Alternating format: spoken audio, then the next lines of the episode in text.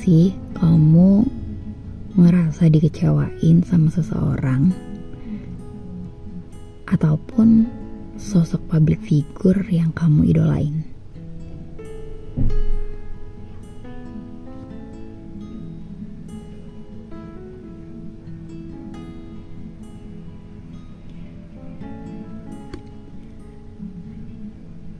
Selamat datang kembali di podcast Suaruni Dan inilah podcast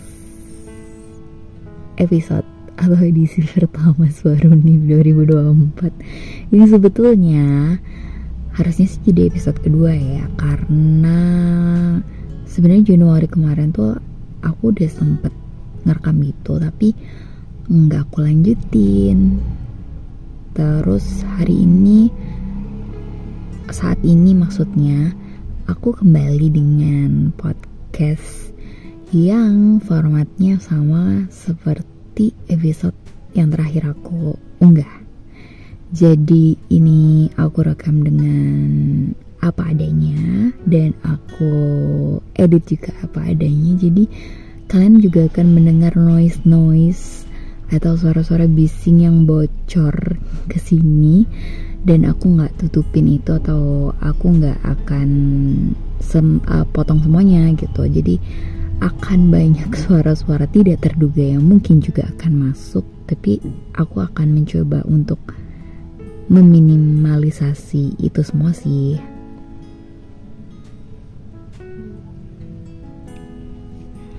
Oke, jadi malam ini aku tiba-tiba terpikir untuk ngomongin tentang rasa kecewa. Sebenarnya udah dari kemarin aku tuh udah sempet kayak mendapat sebuah wangsit ya atau ide gitu. Tapi kayak baru malam ini lebih kebuka lagi tuh idenya, lebih dapat banyak lagi kucuran ide dari sang ilahi. Ada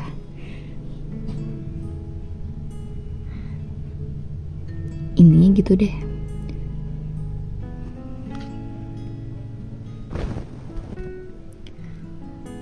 Oke, kembali ke pertanyaan yang paling awal aku tadi tanyain. Emang ada pertanyaan yang berikutnya? Perasaan belum deh.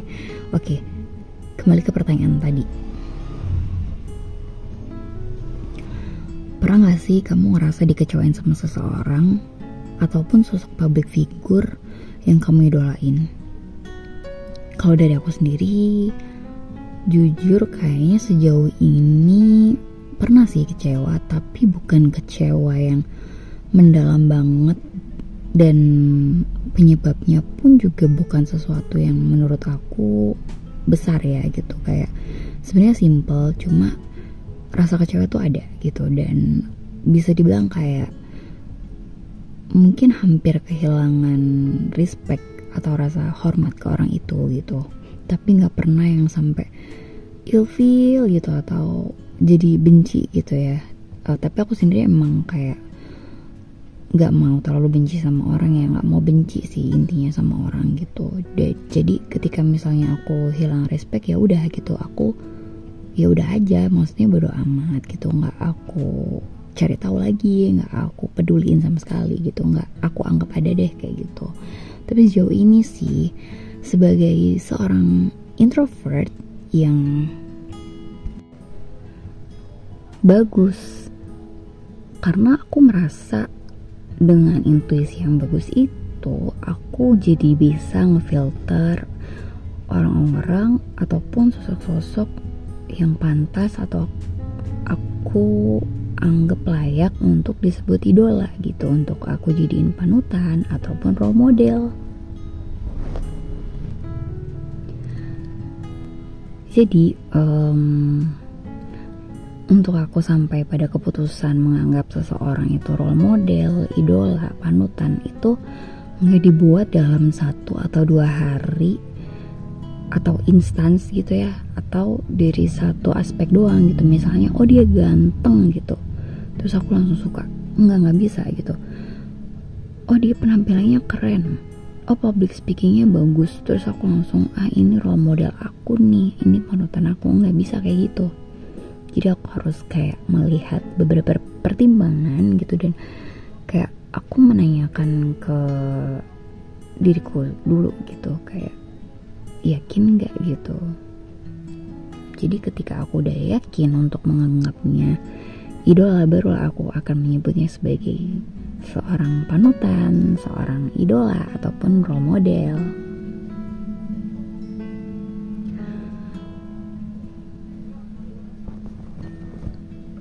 Nah, menurut aku yang kadang-kadang kita tuh lupa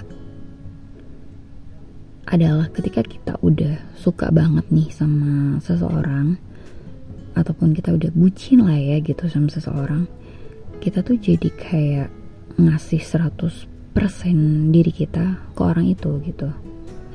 Kita jadi lupa untuk menyisakan satu persen untuk ruang ragu ataupun untuk kecewa di kemudian hari gitu. Yang menurut menurutku nih itu tuh penting. Penting banget buat kita menyisakan satu persen atau satu ruang untuk kita tuh kecewa sama seseorang di kemudian hari apalagi itu adalah sosok public figure misalnya ya yang kita tuh nggak tiap hari ketemu, kita nggak tiap hari bersinggungan, kita nggak tiap hari interaksi sama dia gitu. Apalagi yang kita tuh cuma kayak kenalnya via media dari media sosial ataupun dari apa ya kayak omongan orang-orang gitu misalnya. Jadi menurutku ketika kita suka nih sama sesuatu, ketika kita mau bucin nih ke orang, rasanya penting gitu untuk menyisakan satu ruang kecewa di hati kita untuk orang itu gitu karena kita nggak pernah tahu loh gitu kayak kapan nih orang tiba-tiba bisa ngecewain kita gitu dan apa pun alasannya ya gitu. Dan sering kali kita jadi kaget gitu ketika si sosok itu mengecewakan. Kadang kita nggak terima kita denial masa sih ini begini? Masa sih ini begitu gitu kayak selama ini aku lihat orangnya begini selama ini aku lihat dia begitu. Akhirnya ketika ada sesuatu yang mengecewakan kita jadi sulit untuk menerima gitu. Dan kita nggak meragukan maksudnya uh, kita menyangkal sih gitu. Jadi kita nggak sempat untuk menanyakan ulang tuh kemungkinan itu bisa terjadi gitu. Nah menurut aku itu yang bahaya sih gitu. Kayak itu bisa membuat kita jadi fanatik gitu. Dan fanatik menurut aku juga ya jatuhnya negatif ya. Karena kita jadi kayak gak bisa melihat dengan kacamata yang adil gitu. Jadi kayak kita selalu merasa bahwa idola kita panutan kita role model kita tuh nggak pernah salah. Ataupun nggak akan bisa salah ataupun nggak layak dipersalahkan gitu. Jadi kayak ini ini manusia suci. Dan kita kayak akhirnya selalu berupaya untuk membela dan mendukungnya meskipun misalnya si seseorang itu salah gitu ataupun dalam posisi yang ya posisi yang memang buruk gitu loh. Dan kita mungkin sepakat ya gitu kalau alasan kita kecewa mungkin adalah karena kita udah menaruh ekspektasi yang terlalu besar ataupun terlalu tinggi sama seseorang gitu. Dan kadang kita nggak siap untuk kecewa. Siapa sih yang siap untuk kecewa ya kan? Gitu. Makanya kenapa aku tekankan bahwa kita perlu untuk menyiapkan ruang kecewa itu. Kita perlu untuk menyisakan satu persen itu gitu. Supaya kita nggak nggak terlalu kecewa supaya kita nggak terlalu sedih gitu. Dan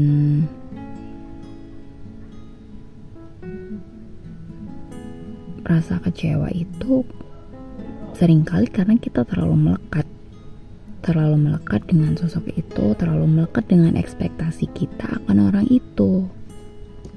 Dan di sinilah sih mungkin yang kita masih perlu banget belajar adalah melepaskan kemelekatan itu. Tapi bukan berarti kita jadi kayak sedikit-sedikit curiga ya gitu. Jadi kayak kita menyisakan satu persen itu tapi kita nggak membesar-besarkan itu. Jadi kita sediakan ruang tapi kita nggak perlu membesar-besarkan ruang itu. Jadi kayak kita tetap punya sisi skeptis tapi kita nggak jadi yang terlalu berprasangka buruk gitulah gitu. Tapi kita perlu juga untuk kritis. Kira-kira begitulah sederhananya.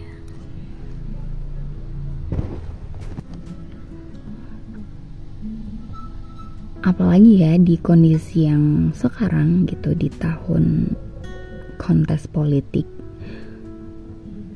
itu benar-benar kayak di media sosial kita akan mudah sekali menemukan orang-orang yang membela mati-matian, mendukung mati-matian, ataupun orang-orang yang mungkin kita ngerasa kita udah punya penilaian nih ya si A tuh begini, si B begitu. Nah, ketika ada berita yang itu berlawanan dengan ekspektasi kita, ya kita bisa jadi malah menyangkal kita malah tetap mendukung gitu. Kita nggak menerima fakta itu. Dan ya namanya juga pertarungan ya namanya kompetisi itu pasti kayak ada ya you know pengiringan opini gitu. Dan kalau kita nggak punya sisi skeptis sendiri ataupun sisi kritisnya kita sendiri kita akan mudah terombang ambing kita akan mudah banget terpengaruh suara A, suara B, suara C lah, suara Z gitu. Jadi kayak penting untuk kita punya sendiri lah gitu daya kritisnya kita gitu. Jadi kita nggak ngikut selalu ngikut si A, selalu ngikut si B gitu. Karena ya ya namanya di kontes politik tuh kalau orang Jawa bilang isu dele sore tempe jadi kayak paginya ngomong apa, sorenya ngomong apa gitu. Kayak perubahan itu terlalu cepat gitu dan kalau kita nggak siapin ruang kecewa ya kita bakal denial gitu dan akan lebih susah lagi untuk menerima kenyataan atau fakta yang ada. Karena ketika kita ngasih 100% diri kita ke sesosok public figure misalnya ataupun siapa pun itu kita tuh rawan menganggap yang aku bilang tadi gitu kayak manusia yang suci tanpa dosa nggak punya sisi gelap nggak punya sisi negatif udah pasti yang positif positif doang gitu loh. Dan itu malah jadinya menyulitkan diri kita sendiri gitu karena kita akan merasa menderitanya lebih dalam gitu ketika kita dihantam fakta yang kita nggak bisa sangka lagi gitu. Terus gimana dong? Ya tentu aja. Sisain satu persen ataupun satu ruang di hati kita untuk kecewa. Dengan menyisakan ruang untuk skeptis ataupun ragu dan tetap kritis.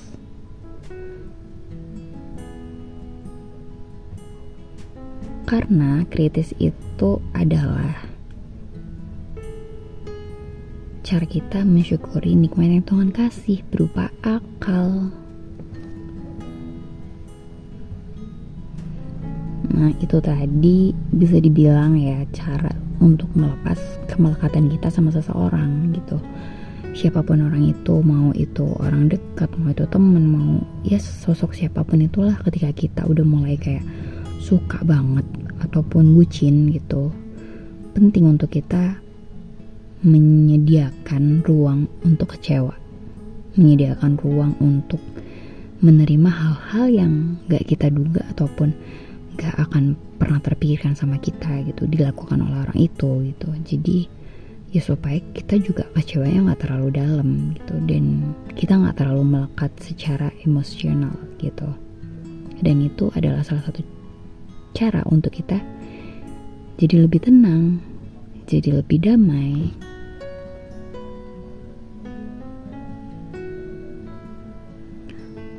Karena kita jadi nggak gampang kecewa gitu loh.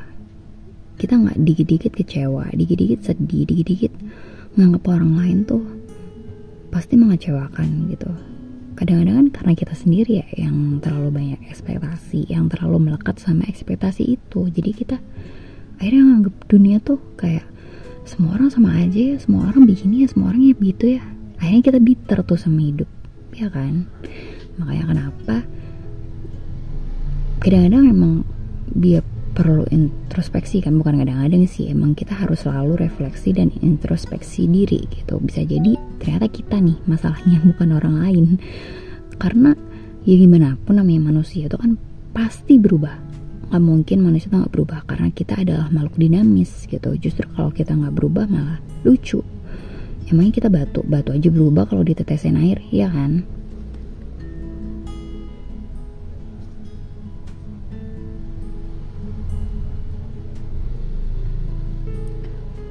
dan kita pun gak bisa memaksa siapa pun untuk sesuai mau kita karena kita juga gak mungkin kan mau untuk menyesuaikan diri sesuai maunya orang lain. Jadi kenapa nggak kita coba tanyakan ke diri sendiri emang kamu mau digituin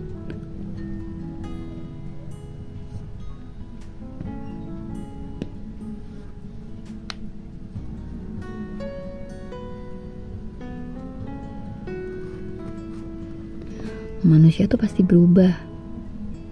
Dan bisa jadi perubahan itu adalah tanda pertumbuhan. Dan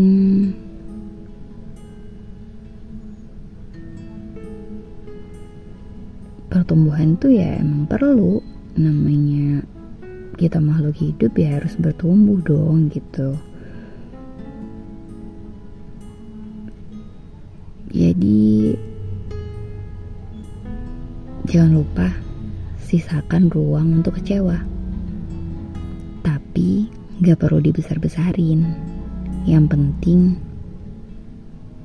biar kita gak gampang kecewa. Kayak udah terlalu panjang deh, jadi belibet ngomongnya.